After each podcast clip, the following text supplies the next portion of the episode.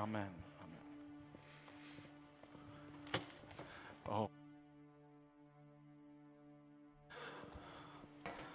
Thank you so much for, for blessing us and helping us in worship today. Ska we give them an applause?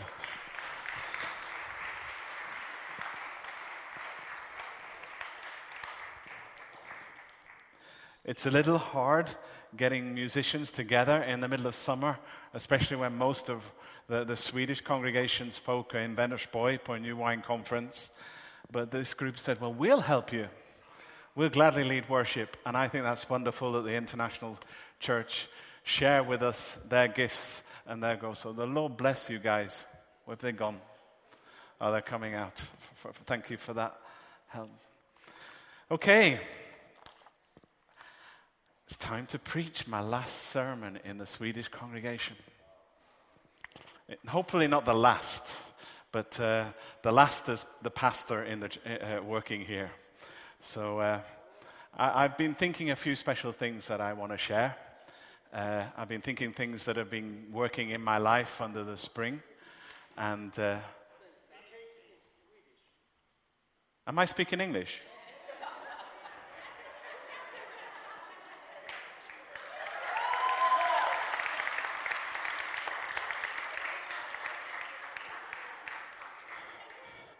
Det är jättesvårt att vara här i, i Citykyrkan.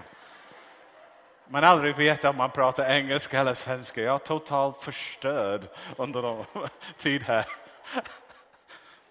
Ärligt sagt, jag vet inte ibland om jag pratar engelska eller svenska. Om folk nickar och jag tänker, jag bara tar det de förstår. Men, men så, så, är det. Men förlåt, jag, jag bara började med att säga att det är den sista gången faktiskt jag kommer predika som församlingspastor här i Citykyrkan. Eh, och och jag kommer dela med er några tankar som jag grubblat på under våren. Eh, speciellt, och speciellt med tanke på att mitt liv i alla fall kommer att gå in i en ny fas av vad det är som, som jag upplever att Herren drar mig in i. Eh, så ni kommer få dela det idag. Och jag hoppas att det blir till välsignelse och till uppbyggelse för er med också när jag gör det. Jag vill eh, börja med att läsa bibelord som är Johannes 17 Eh, hela kapitlet är en bön egentligen från, från Jesus som ber för, för, för, de, för församlingen. Johannes är här någonstans. Jag, jag lovar, jag vet var det finns. Men eh, jag ska läsa lite, lite sammanhang också. Så jag läser från, från vers 13 till 19. Och det är Jesus som talar, det är Jesus som säger så. Nu kommer jag, det betyder att nu kommer jag Jesus. Nu kommer jag till dig, det är Jesus som kommer till Fadern. Men jag säger det här medan jag är kvar i världen. För att deras hjärtan ska vara fylld av min glädje. Jag har gett dem ditt ord och världen har hatat dem. För de tillhör inte världen, liksom inte heller jag tillhör världen. Jag ber inte att du ska ta dem ut ur världen, utan att du ska bevara dem från det onda. De tillhör inte världen, liksom inte heller jag tillhör världen. Helga dem i sanningen och ditt ord är sanningen. Och den här versen som jag kommer utgå ifrån nu, det är vers 18. Så som du har sänt mig till världen, så har jag sänt dem till världen. Jag läste en gång till. Så som du har sänt mig till världen, så har jag sänt dem till världen. Herren, vi tackar dig för ditt ord som är levande. Vi tackar dig för det hjärtat Jesus som du visar när du ber, innan du lämnar också vad det är som, som du brinner för, vad det är som var din passion sitter. Och jag ber att du hjälper oss kunna ta till oss denna bönens innehåll idag. I Jesu namn. Amen. Jag älskar Jesus. Jag älskar att sjunga om Jesus och tillbe Jesus. Och jag, jag, jag har haft som vana under hur många år som helst, kanske över 20 år nu, att hela tiden läsa igenom Matteus, Markus, Lukas och Johannes. Bara för att jag vill ha fräsch i mig hela tiden det som Jesus gjorde. Eller det som Jesus säger och sånt. Jag vill ha det som den främsta plats i min minne. Eller eh, när, när jag tänker på vad det är att vara kristen. Och Jesus han var outstanding. Han hade en otroligt eh, oemotståndligt attraktionskraft. Han förkroppsligade, han personifierade Guds hjärta och visade det på många olika sätt. Och om du vill veta, han till och med sa om du vill veta hur Gud är, du bara tittar på honom. Det har han sa till en av sina lärjungar när han frågade, Vi har inte sett Gud. Han sa, men du har sett mig. Och han är vår främsta förebild. Och när vi läser om Jesus, vi ser att han hade tid för dem som ingen annan hade tid för. Han hade tid för de yngre, han hade tid för de sjuka, de handikappade. Han hade tid för de sorgande. Och, och det var inte som att han inte hade tid för de andra, men han, han, han hade tid för allihopa. Han gjorde ingen favorit av någon. Och, och den bästa karaktärsdrag jag ser när jag läser om Jesus, hur han, han kunde ta någon som hade destruktiv livsstil, eh, i någonting som är väldigt farligt. Bara genom att vara med honom förvandlas de till någon som blir så pass hel efteråt att det blir till, istället till välsignelse för de som de umgicks med. Man kan tänka på det Maria, man kan tänka på det på också Sackeus och andra också. Att hur han kunde, bara genom att umgås med dem, bara genom att tala in i deras liv och kunde hjälpa dem också bli de människor som Gud har tänkt att de hade skapat dem att vara. Otroligt stark. Och, och, och, när jag läser Nya Testamentet också, jag lägger märke till att hela hans livsresa var lika mycket målet som slutmålet på korset. Man kunde tänka sig om det var bara att han skulle dö för våra synder och hänga på ett kors, då kunde han gått direkt till Golgata och bara gjort det. Men det var på själva resan som de mest spännande sakerna inträffades. Det var själva resan som folk blev helad, upprättad, eh, befriat, Eh, rädda på olika sätt. Det var på själva resan, på vardagliga saker, när var han ofta på väg någon annanstans.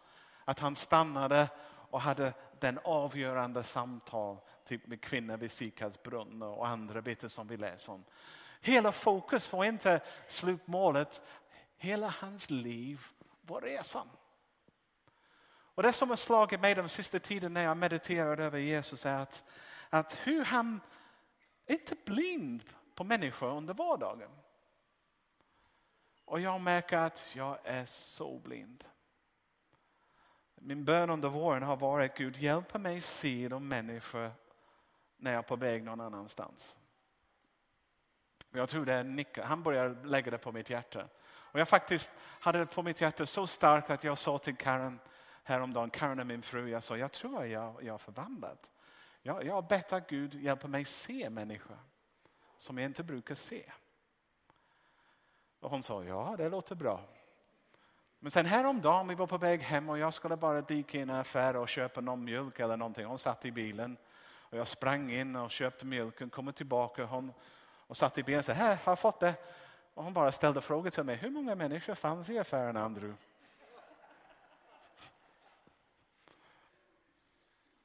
Och jag tänkte, uh. Äh. Och sen hon sa, hur såg kassören ut, den, den som i kassan? Och jag tänkte, var det en man eller var det en kvinna? Vilken, eh, vilken färg hade de på ögonen? Och jag var tvungen att bara säga, Karen jag har ingen aning. Jag hade uppgift att köpa mjölk och det gjorde jag. Och jag var i min lilla bubbel och jag bara gjorde det som jag ska göra. Och jag, jag inte ens såg de andra människor som förmodligen fanns i affären samtidigt som jag, jag gick och handlade. Nu det är kanske extremt men, och ni kanske inte alls som det men jag, jag märkte att den bönen som jag har bett under våren behövs lite mer utveckling och lite mer verkan än att det ska vara eh, på plats i mitt liv. Men jag, jag tänkte, jag, om jag ska vara som Jesus, det är de här mötena under vardagen som kommer ha den avgörande påverkan. Både i deras liv och också mitt liv. Och om jag inte kan komma ut ifrån min bubbel då kommer det inte bli någon stor verkan. Så det är ungefär lite grann en lite smärtsam vittnesbörd som ni kan få från mig också. Men när jag, när jag läser om Jesus man märker att de älskade att tillbringa tid med honom. De kunde gå flera dagar för att sitta i öknen och lyssna till honom. Bara för att höra de ljuvliga ord som var inte dömande utan befriande. De ord som när de lyssnade till dem gick in, inte in bara i huvudet men gick in i själen. Och de började lysa inifrån. Och började tänka, ah. Och det är det som Jesus bad om, sanningens ord. Och som också om vi läser bergspredikan, de som lyssnade till Jesus undervisning, han säger han, han undervisar inte som de andra skriftlärde, för han, han undervisar med någon slags auktoritet. Det är kraft bakom orden. Det är någonting som gör att de går rakt in. Sanningen, Guds ord. Och när, när, när jag läser om, om honom på det sättet, jag tänker, åh, sån vill jag vara. Sån vill jag vara. Men när vi läser om, om Jesus också, vi, läser, vi, vi kan också läsa om en, hans liv var inte lätt heller, för det fanns en stor grupp som inte gillade honom. De till och med hatade honom. De gillade strukturer. Jag skulle nästan säga de gillade fasta rutiner, religiösa ceremonier. Och gillade inte alls så mycket det relationellt sätt som Jesus levde sitt liv och talade. De upplevde honom tillräckligt mycket som ett hot att de till slut dödade honom. Ja, vem var dessa människor? Ja, de var de religiösa. De som egentligen hade fått uppgift att förmedla Gud till folket. De som hade fått uppgiften att försöka förklara Guds hjärta, hur han egentligen är till människor som levde då. Jag kan säga att jag har funderat många gånger, hur kunde dessa människor hamna så långt ifrån var Gud vill ha dem? För egentligen, jag tycker inte fariséer är dåliga, jag tycker inte skriftlärare, de var säkert några av de finaste människor i samhället. Det var de som sköt sitt liv. Och de säkert hade en goda ambitioner. Så jag vill inte att ni tänker att jag talar ner dem eller försöker säga att de var inte bra. De var jättefina människor. Om du hade en farisé eller skriftlärare som granne, du skulle vara glad tror jag. några av de finaste. Men ändå lyckades fienden på något sätt lura dem så att de blir upptagna med något annat. Eller fokuserar på något annat än det som Gud vill att de ska vara fokuserade på. Jag ställer frågan många gånger, hur kunde de missa målet med så långt avstånd? Men, men sen inser jag att inte mycket har förändrats under åren.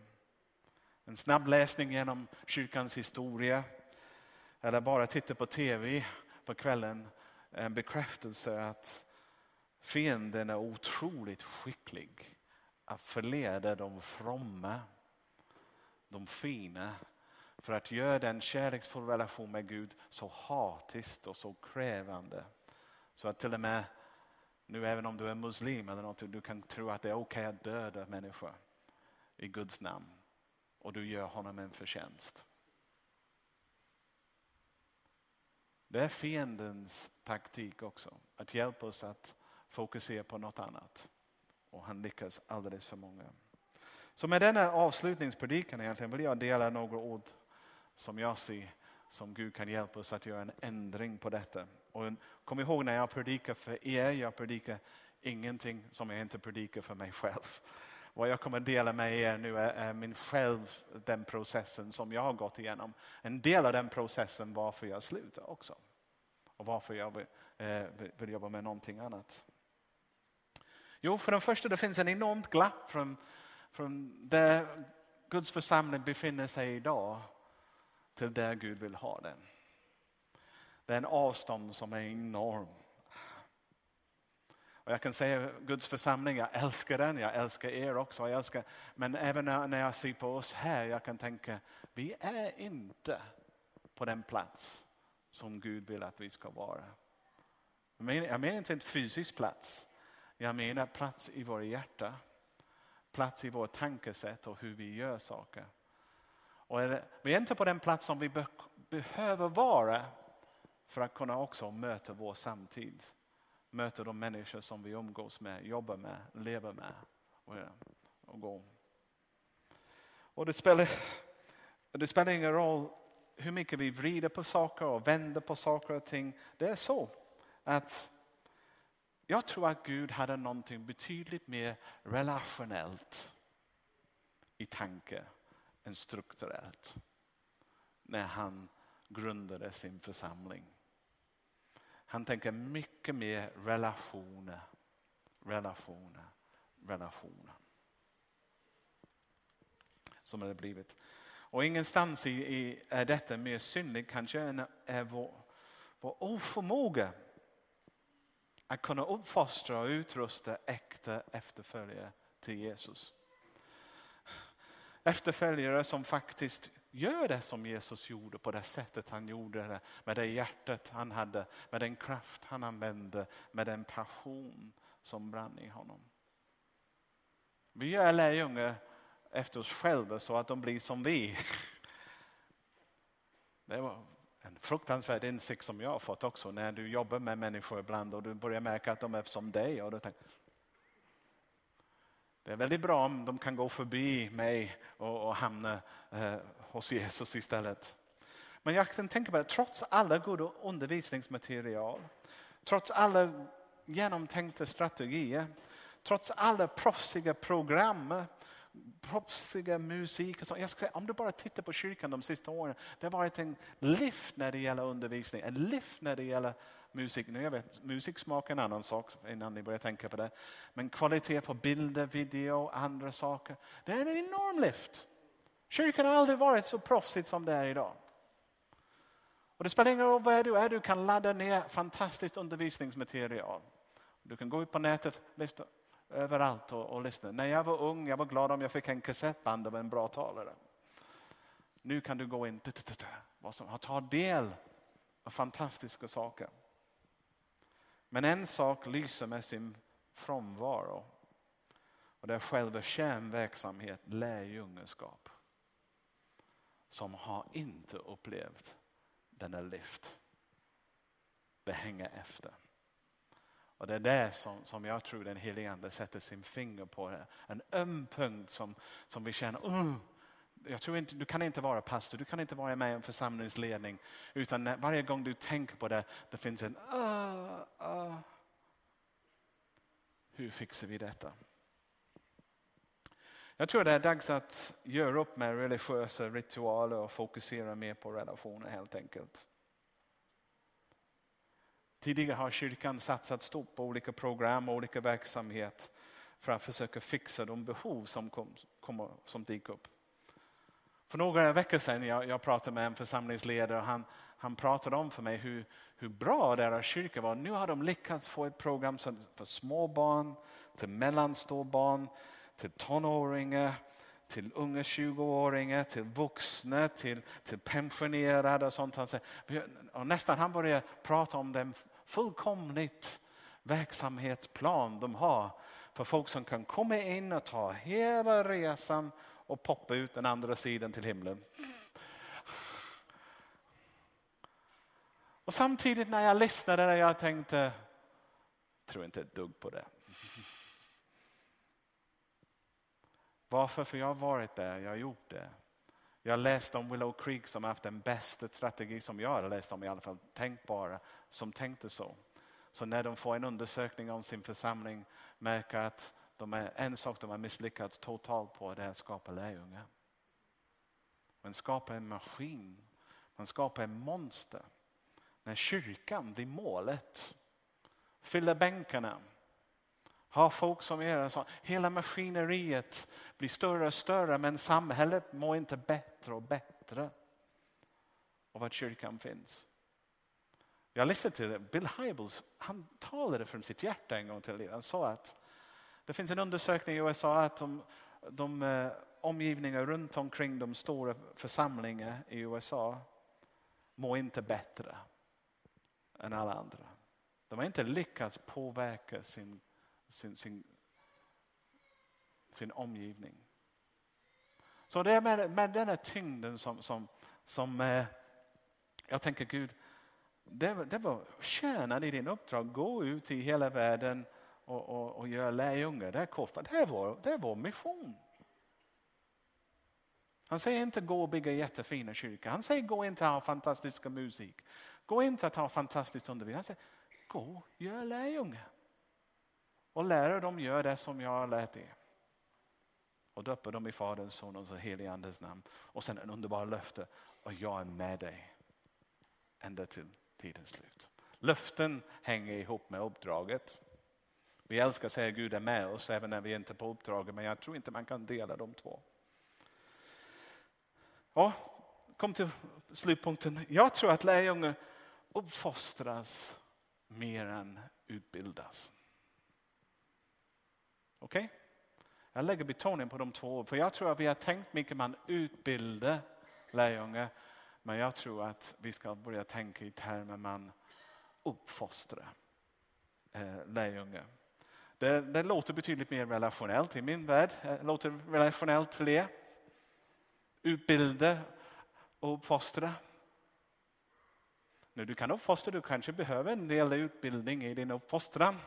Men uppfostran omfattar, tror jag, det som Guds hjärta är för hur vi behöver tänka när vi vill bygga lärjungar eller, eller, eller forma, forma lärjungar. Till, jag är så uppgiftsfokuserad, jag säger bygga lärjungar.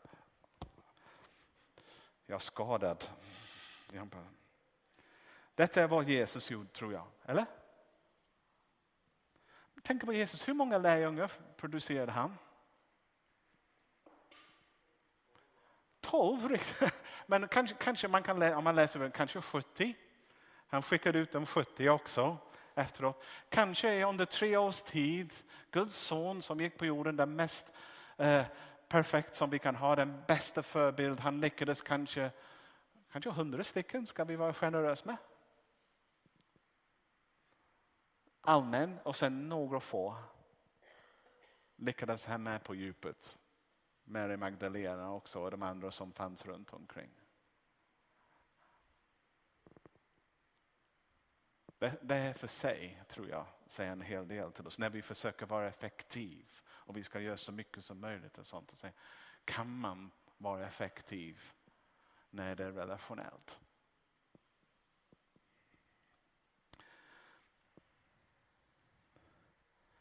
Jag vill lyfta fram ett exempel som jag, jag läste i en bok av eh, Lucy, jag kan inte säga hennes efternamn, rektorn på WTC. Eh, hon har varit här och predikat också. Fantastisk kvinna. Hon har skrivit en bok som heter Lärjungaskap. Jag har läst lite sånt under våren också. Men det finns en kapitel i den här boken som när jag läste jag bara tänkte, det måste jag predika om. Och det är det som jag kommer att ge nu. Så det är inte mina tankar. Jag, jag, det fanns en sökande hos mig. Det fanns en, en, en frågande efter lösningar. Och, och, och, ibland lyfter Gud upp någonting sådär och det är var jag fick det ifrån. Men men jag tror att vi kan, vi kan lära oss mycket hur man uppfostrar kristna till att vara lärjungar på det sättet som vi uppfostrar barn att vara heliga människor. För det finns mycket som är gemensamt. Eh, och eh, alla som vet det finns ingenting mer utmanande än att uppfostra ett barn, eller hur? Jag kan säga att du kan vara framgångsrik affärsman Titta på deras barn ibland. Det är, sällan, du kan, det är lättare att vara duktig eh, på, på, på ditt arbete än vad det är att vara hemma med dina barn. Det är den svåraste som finns. Det är den kanske förmodligen om du är förälder, det lilla barnet du har, det är den största utmaningen du kommer få i ditt liv. Nu, det är inte för att barnen är jobbiga. Det är inte för att det är jobbigt att uppfostra barn på det sättet att de är problematiska. Det är jobbigt för att det kräver så mycket. Det är en sån mångfaldig, omfattande arbete som kommer kräva så, många olika, så mycket av dig under livets gång. Det är det som gör det svårt. Jag sa, att det är en mångsidigt och varierad uppgift som måste ständigt anpassas till barnets, efter barnets behov. Så är det.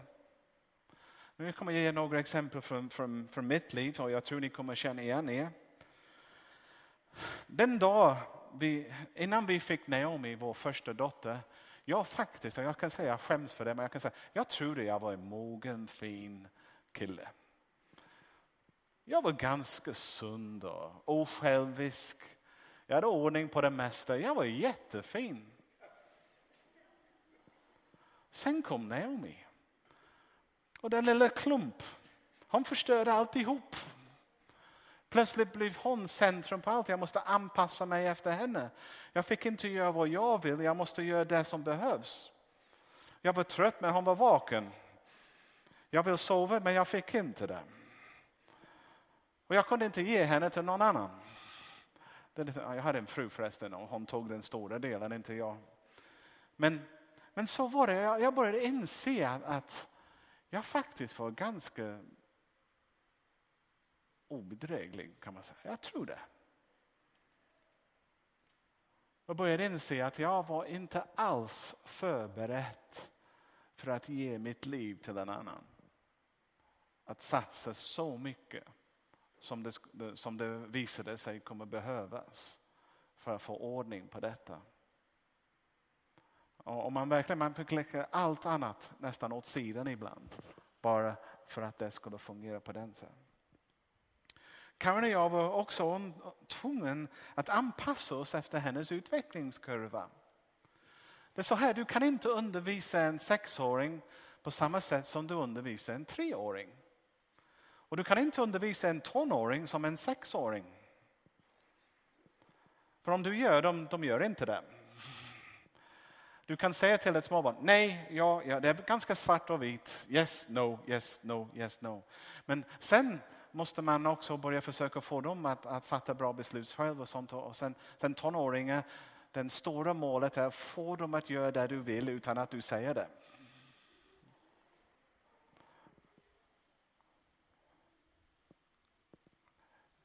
Tips, det är inte lätt.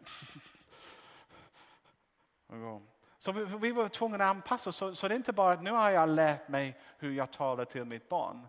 Eftersom min barn reser, nu måste jag lära om mig igen i denna fasen hur jag talar till mitt barn. Så är det. Så du kan inte ha bara one type fits all. Det går inte. Och sen, allt tog tid att genomföra. Det var mycket tålamodskrävande. Så enkelt skulle det vara om man säger så här, gör inte så för det leder till det där. och sen var det gjort. Man fick säga samma sak på hundra olika sätt så att de fattade det till slut. Och det tog längre tid för de var människor, de var inte en maskin. Det var inte en dator som du bara programmerade. Och vi människor är lite långsamma. Jag vet inte, engelsmän är i alla fall. Det svenskan är inte så långsam, men vi är det. Vi var också tvungna att leva som vi lärde. Oj, oj, oj. Det funkar inte att bara säga gör som jag säger men inte som jag gör själv. För de märker det. Barnen ser hur du fungerar på veckan, inte bara på söndag om man säger så. Och de märker när du säger någonting som du inte riktigt tror på själv. De läser av dig som en bok. De visste om Karen försöker få dem att göra någonting som jag har sagt. hon kunde inte dölja det. Och sen kommer de så, ah, och de, om de ser att oh, här finns splittring möjlighet. Nu kan vi spela en mot den andra. De finns, finns. Oj, oj, oj. Så man måste leva konsekvent. Man också måste som förälder, om man ska disciplinera barn, om, om du varnar för en sak, då måste det införas. Man måste leva som man lär. Sen kom den jättesvåra bit tyckte jag. Efter Naomi kom Hanna. Och jag trodde, att nu jag vet hur det går för att jag hade lärt mig med Naomi. Men Hanna var en helt annan varelse. Trots att hon kom från samma plats, skapade samma föräldrar. Hon hade en helt annan temperament, en helt annat sätt att tilltalas. Så vi fick lära om oss igen hur man talar till henne för att få en människa från henne. Och det, var, det som funkade på Naomi fungerade inte på henne. Sen blir det ännu värre. Sen kom Miriam. En annan främling. En annan individ. Som var inte som Hanna, inte heller som Naomi. Och man för, som förälder man försöker få dem på en viss väg och älska Jesus och vara hedliga. Och sånt. Och man tänker, oh, oh, jag måste, nu när jag talar, jag måste, det är Hanna jag pratar med, jag måste göra det på det sättet. Nu är det Naomi. Och, visst är det jobbigt. Och sen kommer den punkt där alla tre är samman, så man måste hitta ett sätt som talar alla tre. Ni förstår problematiken. Ni, försvår, ni, ni inser svårigheten av det. Och sen bara ta det till församlingen. Det är samma problematik. Vi är alla olika. Vi har alla olika utvecklingskurvor och sånt. Och målet har hela tiden varit att de ska fatta bra beslut själv. Så målet är inte bara att göra allt för dem. Vi ska inte vara, vad heter den, curling föräldrar som man kallar det i Sverige. Målet var att de skulle, vi måste ge dem utrymme för att göra sina egna misstag. Och jag minns när de, de gick i svenskskolorna och de blev genomtvättade av svenskt tänkande och en gång kom de hem. Ja, alla andra barn i klassen tar hand om sina egna barn, föräldrapenning, vad heter det? Nej, barnbidrag. Eh, vi vill ha vår barnbidrag med. För det är vår pengar egentligen. Ni har hört det, ni föräldrar, ni skrattar, ni har hört det sen komma. Och jag minns den diskussion vi hade som Karman, Vad är målet? Målet är att de ska hantera pengar på ett bra sätt.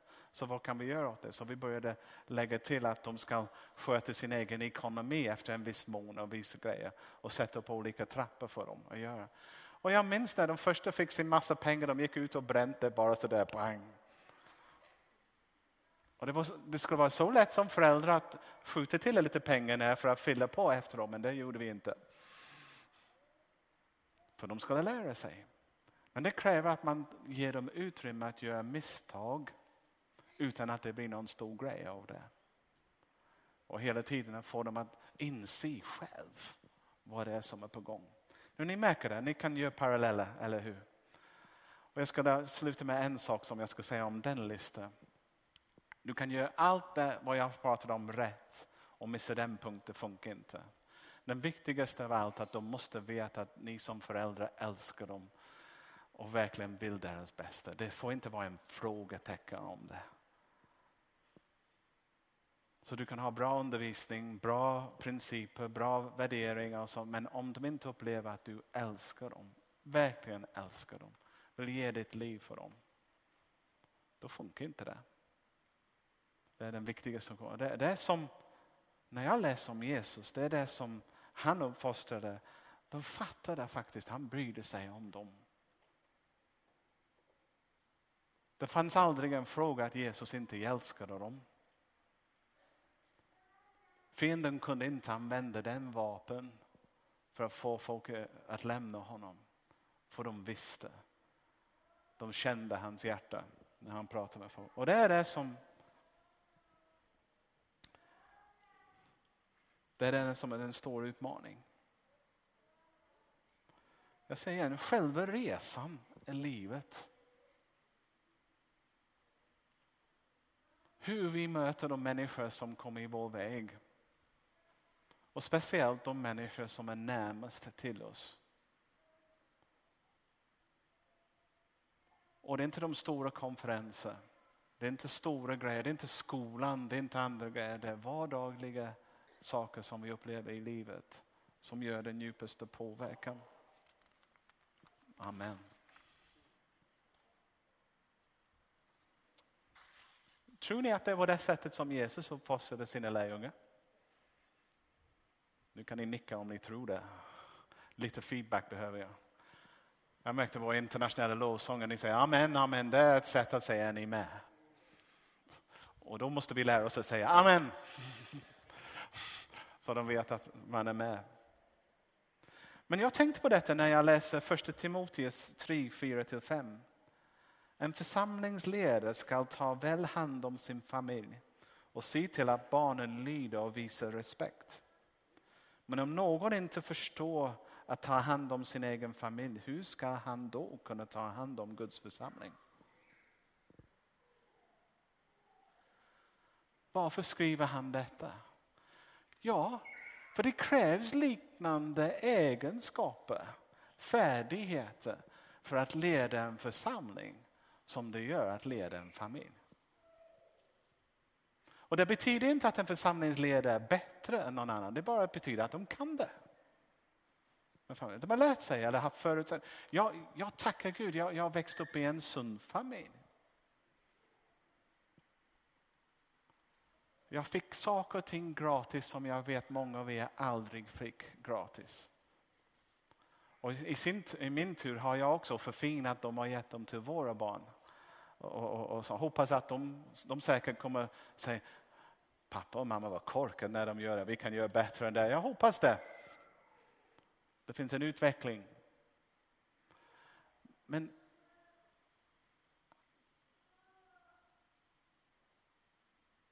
Paulus säger församlingsledare måste vara duktig på att uppfostra barn. Och för att vara duktig att uppfostra barn måste du älska människor. Det måste vara ingen snack om det. Och sen krävs det eh, lite grann vad jag redan sagt. Det, lite. det är en jobbig process och du kan inte bara skicka dem i en klass. Du har gått klass A, nu går du klass B, nu går du klass C, D och du är färdigt.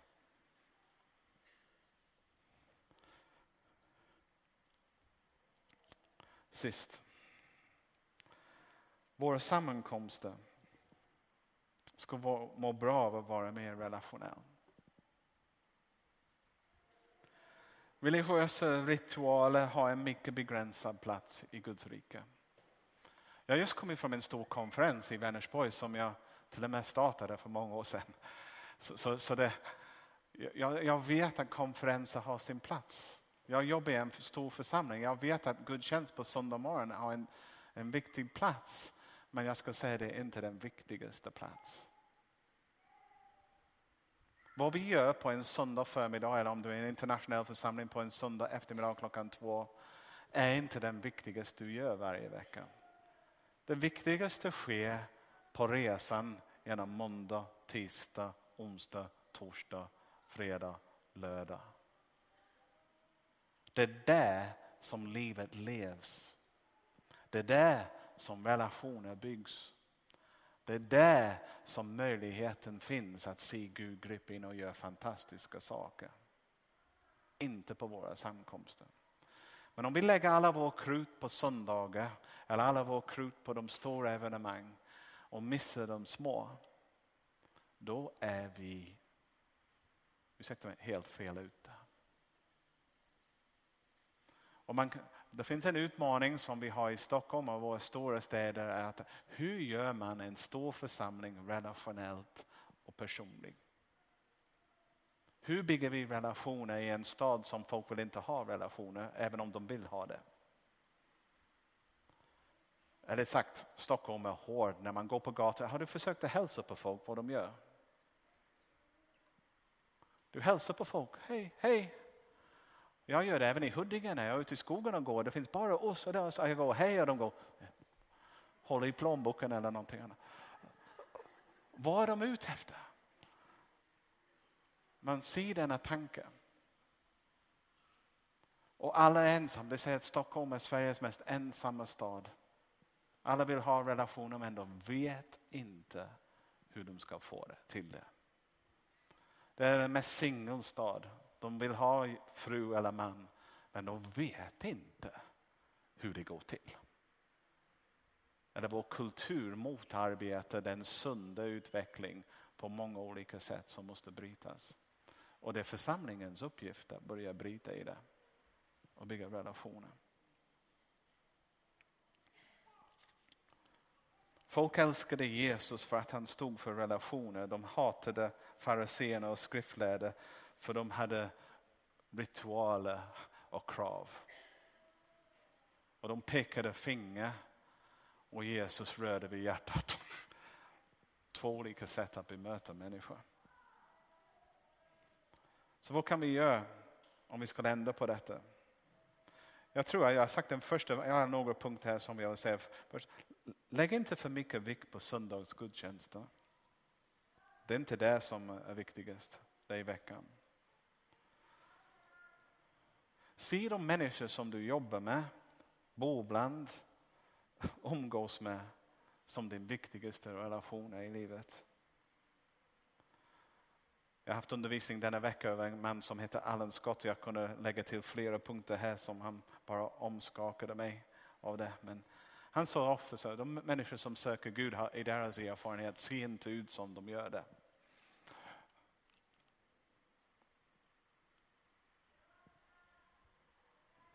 Sätt fokus och energi på mindre grupper. Och gör dessa grupper mer interaktiva. Det är inte så viktigt vad du säger utan hur du säger det. Om du kan modellera det. Ha grupper. Vi pratar om citygrupper men det ska vara jättekul om ni alla hade grupper vänner som ni träffades och fikade med och såg det som en missionsfokus. Och att du var där för att göra skillnad. Och börja tänka. Det är min missionsplats. Plan inte in gudstjänster i din kalender. De ska bara vara där. Du bara vet att du ska gå dit. Men planera in i din kalender möte med människor. Kanske vi kan kolla av varandra varje vecka. Hur många människor har du träffat utanför kyrkan denna vecka? Hur många människor har du bjudit hem till dig? Har du suttit och fikat med någon eller gjort något annat? Låt oss utmana varandra för att vi börjar tänka på det sättet. Hellre än att att gå på möten eller ha möten. För jag tror att det finns en paradigmskift på gång. Gud håller på att göra en stor ändring och Sverige han har sin hand om vårt land. Och han håller på att väcka och ge oss nya nycklar i vår hand. Och det ska vara väldigt spännande att se hur det kommer se ut om några år. För en sak är jag säkert, det kommer inte se ut som det gör idag. Det är en paradigmskift. Du vet vad en paradigm är? en stor ändring på gång i Guds rike. Och det kommer påverka Citykyrkan med. Nu några av er tänker, det är spännande. Det betyder att Gud har omsorg om oss. Det betyder att Gud älskar oss. Det betyder att Gud har inte glömt bort oss. Han kommer ge oss det vi behöver för att kunna göra den uppdrag han har gett oss att göra. För att gå. Alldeles sist jag ska säga varför flyttade jag till Göteborg? Vad har det med påverkan?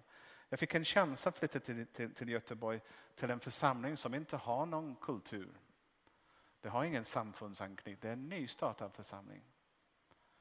Det är en församling som vill vara relationellt och tänka ut nya sätt att, att nå stan. Och när jag hade min intervju, jag frågade, de frågade vad vill du göra? Jag sa jag vill helt enkelt jag vill satsa min sista liv i tjänst för att bara se det som Gud gör och hänga med det. Och, och, och jag är beredd att göra vad som helst. Pröva vad som helst för att kunna se att det sker. Och de gav mig en fri mandat att göra det. Så jag går till en plats som jag behöver inte tänka på traditioner för de har ingen traditioner. Jag behöver inte tänka på vad man har gjort, inte gjort och sånt. Och det underlättar för mig.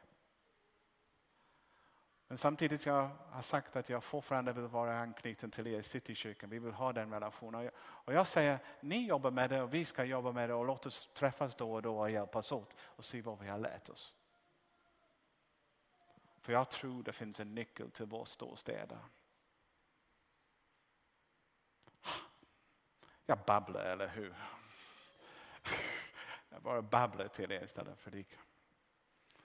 Men Gud, hör ni, om ni glömmer allt vad jag säger, bara säga Gud håller på att väcka sin församling att tänka relationellt. Och det är er uppgift att arbeta igenom det, vad, det betyder och hur det kan se ut. Och det kommer bli bra. Gud välsigne er och be. Herren, jag tackar dig att du älskar din församling så mycket att du inte lämnar det. Att du inte kallar oss att göra någonting som du inte utrustar oss för. Och jag tackar att du fixar våra blind spots när vi inte ser det som vi borde se. Tack att du, du bryr dig tillräckligt mycket att du lyfter fram nya som vi ser dem. Och jag ber att du hjälper Citykyrkan och hjälper även den nya kyrkan som jag ska till. Att vi ska få nycklarna vara verkligen en Jesus förebild för de människor som bor i stan. Och hjälp var, varenda en av oss, Gud, att inte vara så blind under vardagen att vi missar de viktiga människorna. I Jesu namn. Amen. Amen. Amen. Nu ska vi fira nattvarden och eh, du kan komma. Ni, ni som ska hjälpa mig med nattvarden, vi kan förbereda oss. Vi eh, tackar